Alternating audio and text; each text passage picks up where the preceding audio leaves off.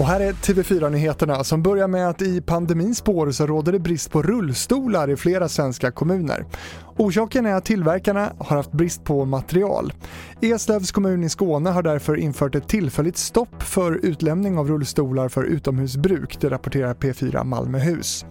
Samtidigt uppmanas de som har en rullstol hemma som inte används att lämna tillbaka den. Över 100 personer har behövt serum, alltså motmedel, efter att ha blivit bitna av huggormar i sommar. Det rapporterar Dagens Medicin. I juli så fick i genomsnitt två personer per dag serum, vilket är dubbelt så många som i juni. Det är däremot ändå en bit bakom rekordåret 2018.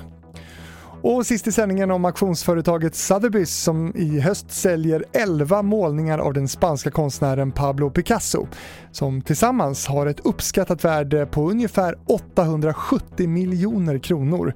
Det blir en av de största auktionerna i firmans historia och äger rum i Las Vegas i oktober.